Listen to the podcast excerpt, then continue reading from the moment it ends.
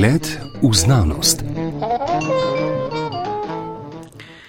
Lep pozdrav vsem, ki nas poslušate. Tokrat govorimo o dosežkih na področju terapevtskega pomena kanabinoidov. V tem primeru glioblastoma, to je najhujša oblika možganskega raka. V studiu lepo pozdravljam profesor dr.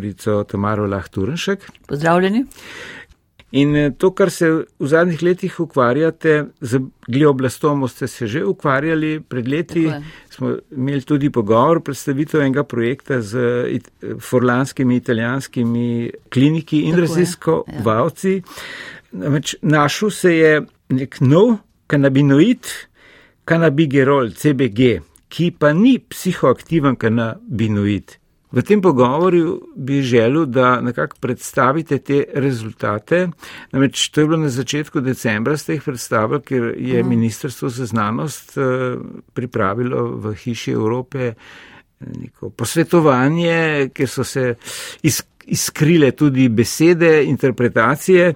Ampak pojdiva najprej na terapevtski pomen tega kanabinoida, ki v kombinaciji z nekim drugim kaže, da je kar uspešen v neutralizaciji ali pa v, da ustavi razvoj rakaste celice, torej glioblastome. Ja, hvala lepa. Tudi hvala lepa za povabilo. Najprej samo uvodoma predstavitev predstavil Nacionalni inštitut za biologijo na pobudo željo ministrstva, da predstavimo svoje rezultate, pri čemer smo povabili k sodelovanju tudi večino kolegov, ki se ukvarjajo z, z medicinsko uporabo konople in seveda širši krok ljudi, ki jih tematika zanima in vidim, videli smo, da je precej širok. In če grem zdaj na naše raziskave in predvsem na kanabinoide. Kanabinoidi so vrsta spojin, različnih spojin, okoli 100, nekaj čez 100 jih je, ki so sestavni del konople, ki vsebuje pa tudi druge organske molekule, ki so tudi lahko zdravilne, terpene, flavonoide in tako dalje.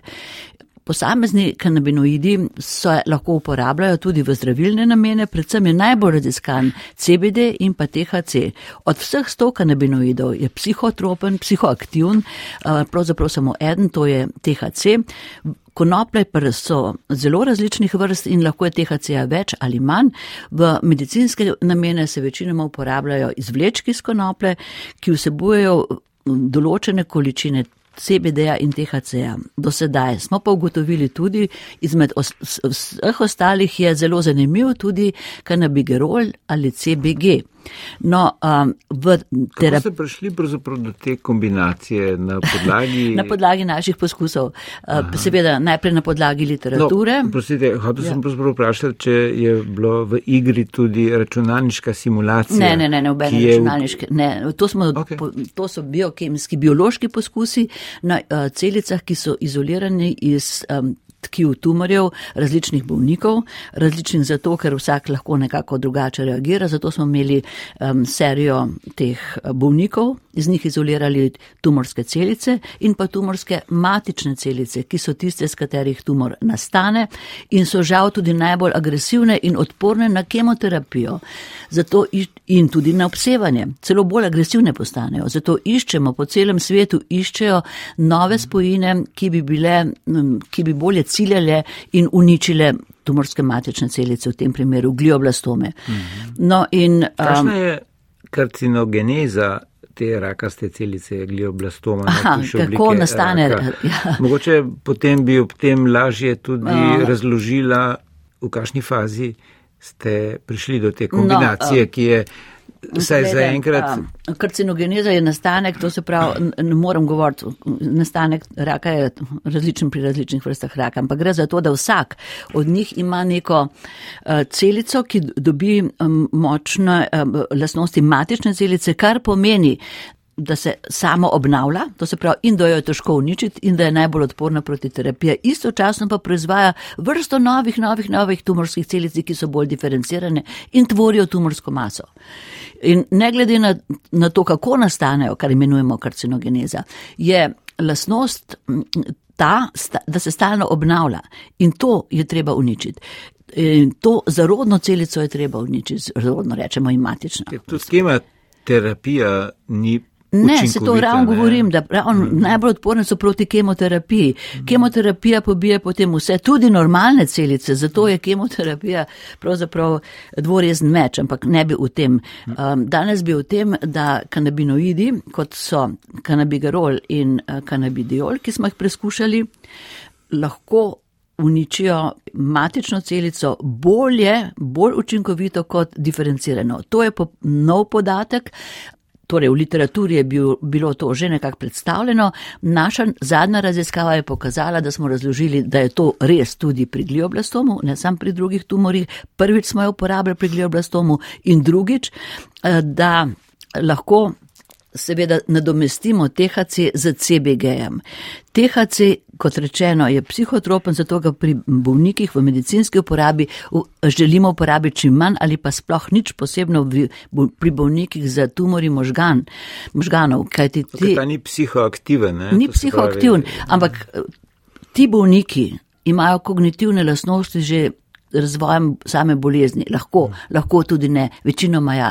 In če jim dodajemo še psihoaktivno snov, je lahko to zelo nevarna kombinacija. No, doslej se je že v terapijah bolj palijativno uporabljalo ja, te, te je, točno, to imate, prav, to, to imate prav, dovoljeno je palijativna uporaba, mislim, Kar ni reševanje, ampak z, eh, lajšanje. Ne? Z, z uh, eh, FDA, to se pravi medicinsko hmm. uh, agencijo za, za zdravljenje, za zdravila.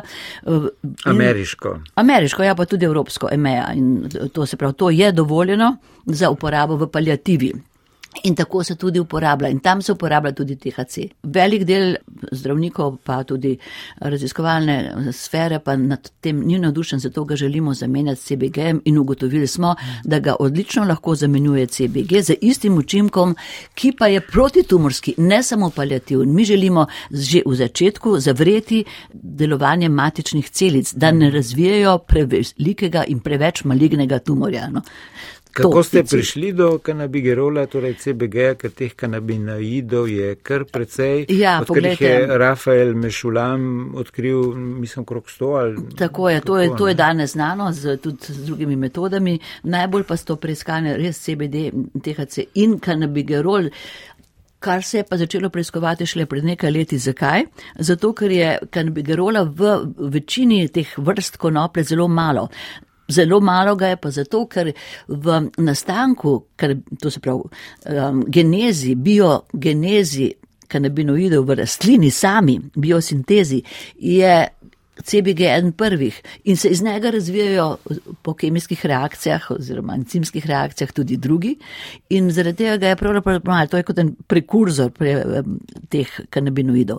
No in vendarle seveda se ga da izolirati in tako naprej smo videli, da ima odlične lasnosti. To je bila novost v naših raziskavah. Druga pa je ta, da smo ugotovili, da ravno ta kanabigerol je tisti, ki verjetno povzroči to, da se matičnost teh tumorskih matičnih celic zniža, to se pravi, da se diferencirajo. In ko se diferencirajo, to se pravi, ko nastanejo iz njih navadne tumorske celice, so te, uh, je te lažji, uh, to se pravi, da jih je lažji, imamo reči, uh, pobiti oziroma odstraniti oziroma usmrtiti z kemo in terapijo. In, Ker reča fiziologija kako ta rak nastane ne? ali pa kako na ga učinkujemo. Ne? Gre za membrano celice ne? in receptorje na njej, ker te so ključni pri prepoznavanju, odbijanju imunosti in tako naprej. No, ne? Jaz ne bi govorila tukaj o nastanku raka, mi govorimo tukaj o terapiji raka. Nastanek raka je okay. proces, ki nas ne, ne zanima in je tako, kar je. Pač treba je, torej naš cilj je, da. Um, najdemo nove tarče za zdravljenje raka. Torej, kako ga zdravimo, seveda pravilno ste ugotovili, da so membrane celic zelo pomembne, kajti na membranah se nahajajo ti receptori, na katere vplivajo številne substance, predvsem pa kanabinoidi, kanabinoidni receptori. In teh je več vrst. In v naših raziskavah smo ugotovili, da prav dva od njih sta povezana z, z matičnimi lasnostmi celic. In če kanabinoidi CBG, še predvsem, eh, ciljajo, se vežejo na ta dva receptorja, predvsem enega od njih, ta sproži, da se tumorska matična celica diferencira in s tem postane bolj ranljiva za običajno terapijo. Mhm. No, sej ta sistem, endokanabinoidni sistem, ja, ne, ja. je bil pravzaprav zaradi teh omenjenih eh, receptorjev manda odkrit. Tako ne, je, dajte mogoče je. malo povzeti, tako ker je. to je, ne, če gledaš oddaleč sliko za katere receptori so, za katere funkcije ja, bolezni. Ja, je, je to je zelo zanimiva slika, ki tako daleč spominja na uh, to kitajsko medicino, ne, torej na piste no. točke, ne, ampak A, to je zelo to... lajčen, bude, ja. lajčen nek, pogled od zunaj. Ne. Neka simbolika, ja. neko uh, po, povezava lahko je med tem. No. No, ampak je bo ključen za obstanek uh, in homeostazo organizma. Tako ne, je. Pomembni, absolutno so pomembni receptori za, tudi za kontakt med celicami, za cel, medcelični pogovor, tako nastanek kot razvoj, kot tudi pa seveda ranljivost tumorja. No, ko so ljudje začeli odkrivati, kako rastlinski kanabinoidi del. So odkrili te receptorje, tudi to je delo izraelskih, pa številnih drugih znanstvenikov, vse posod po svetu. In ko je bilo to znano, so poskusi raziskave pokazale, da imamo v celicah, v skoraj vsaki celici, predvsem pa v možganskih celicah, zelo veliko endokanabinoidov. To so pa kanabinoidi, snovi, ki se nastajajo v našem telesu, v naših celicah in se vežejo na te iste receptorje. So pa te snovi, endokanabinoidi, nekoliko drugačne um, strukture, čeprav je tisti del, ki se veže na receptorje, sličen tistemu delu molekule v rastlinskem kanabinoidu. Tako da tukaj pride do, lahko do eh, sinergij med tem, ko dodajamo rastlinske in notranjim endokanabinoidnim sistemom, ki pa je kot so odkrili, kot se odkriva danes, tisti sistem, ki nas ščiti. Ščiti torej našo tako imenovano homeostazo, to se pravi ravnotežje v organizmu med različnimi vrstami signalov, predvsem, če govorimo že o možganih, med stresom, med preveliko ekscitacijo nevronov, se tako spodbudi endokanabinoidni sistem, ki ga želi to zmanjšati. Podobno je pri imunskem sistemu. Mi imamo tudi imunski sistem v našem telesu, zelo različen seveda, ki pa nas brani, eh, torej našo homeostazo pravzaprav pred številnimi infekcijskimi eh, patogenimi, ki smo jim izpostavljeni omenjena raziskava, ne, ki poteka že kar nekaj let, ja, ja. že 21. je šel nek članek v angleščini, ne. Seveda ne poteka samo v laboratoriju Nacionalnega inštituta ja, za biologijo, ne, torej konkretno oddelka za genetsko toksikologijo in biologijo raka, ne, ampak ste sodelovali z klinko za nevrokirurgijo UKC-a Ljubljanskega, ja. medicinsko fakulteto, onkološkim inštitutom, ne, Zdaj, povejva še, da je pač RRS to plačala, čeprav. Ne, ni.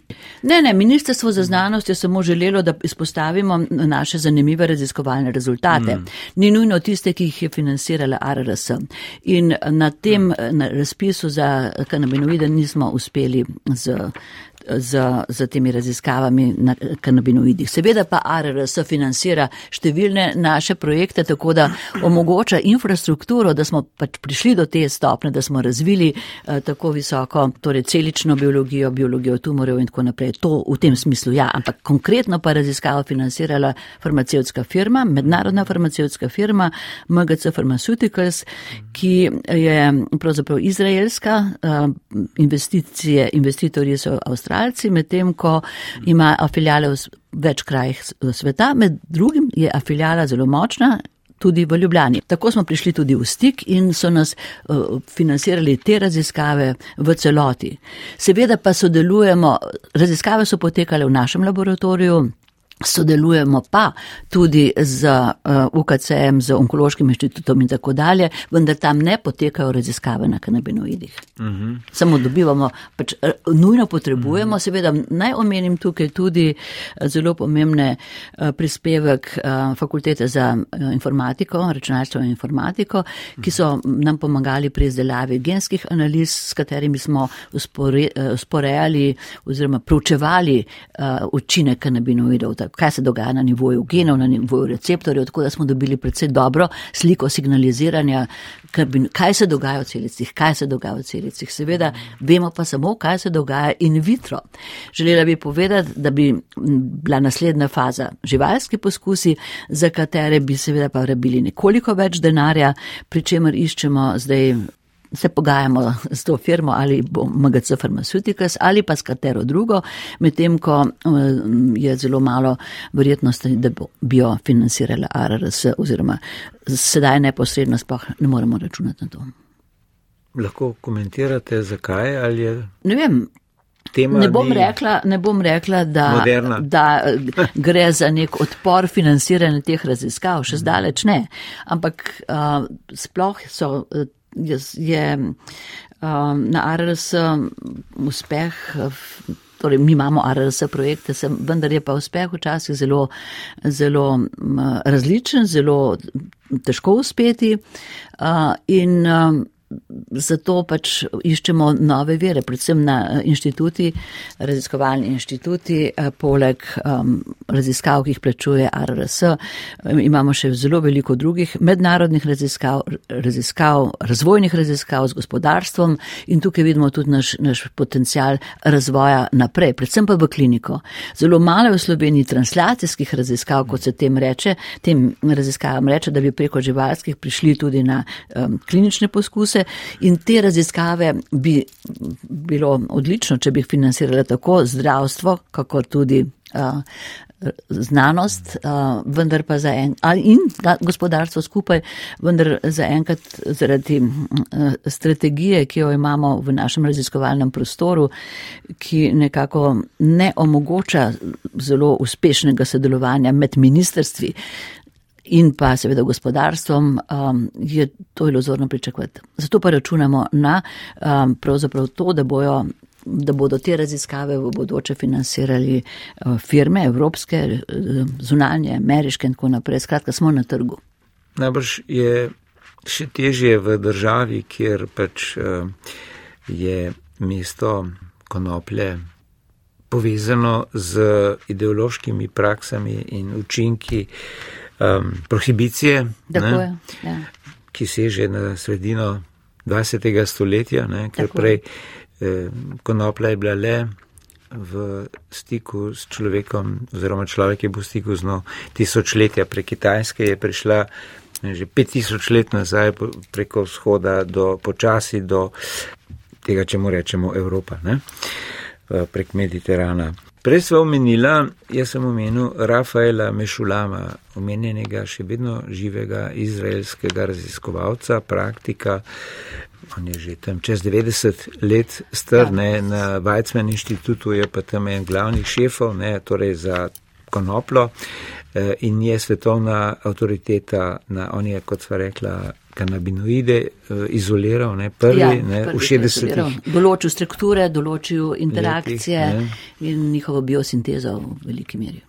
Kakšno intelektualno okolje, po vašem mišljenju, lahko omogoči razumevanje vloge konoplje v sodobnem svetu?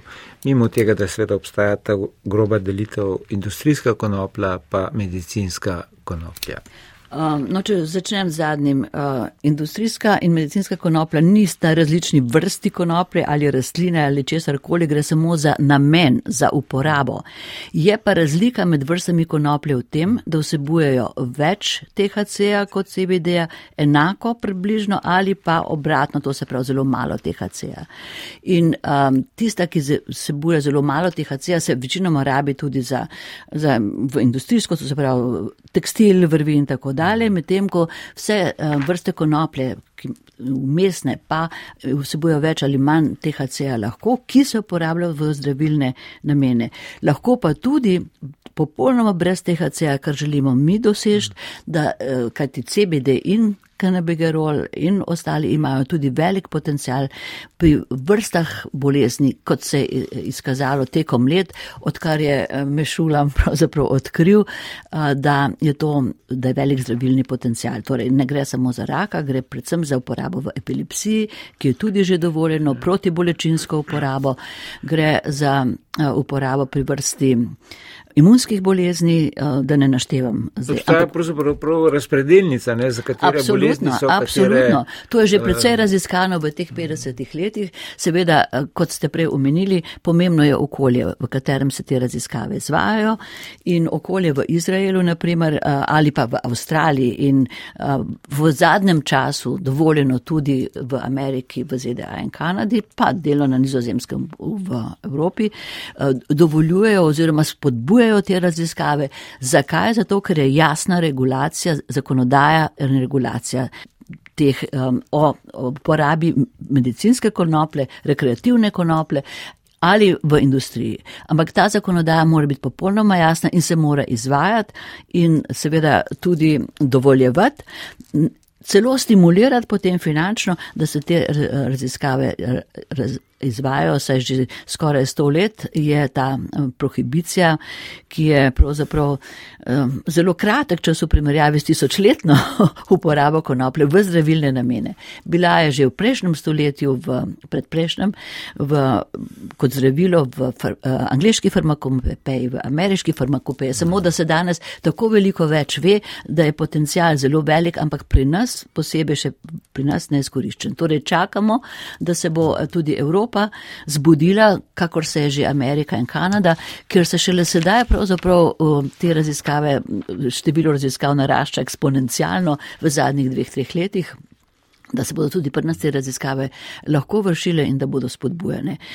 Ne razumem pravzaprav, zakaj je tak odpor, razumem pa, da je bila vzgoja zdravstvenega kadra, zdravnikov in tako naprej do sedaj um, zelo pravzaprav eh, omejevalna, da se je smatralo, da se je pravzaprav klasificiralo konoplo kot drogo, to se pravi drogo, to, to je razred ena in se je šele sedaj presel v razred dva, kjer je določene, so določeni ekstrakti dovoljeni. Se kar ne kritično, ne? No, um, so dovoljeni z omejitvami, ki pa seveda. Se je uporabljalo nekritično. No, Ja, samo eh, preden se bo spremenil, kot se temu reče, stanje duha v družbi, predvsem pa tudi v medicinskih krogih, žal moram to povedati, čeprav v medicino neizmerno zaupam, eh, da se bo to zgodilo v naslednjih generacijah, eh, potrebujemo še nekaj let. Profesorica dr. Tamara Lahturšek, hvala za ta pojasnila v zvezi z novo najdenimi oziroma nekaj časa že vam znanimi lastnostmi kanabigerola, torej kanabinoida, ne, CBG, v spopadu z glioblastomo, ne, torej najhujšo obliko eh, raka. Hvala lepa tudi vam za to priložnost. Ta pogovor sva posnela za reglerji Miha Klemenžič, pred mikrofonom pa Goran Tenze.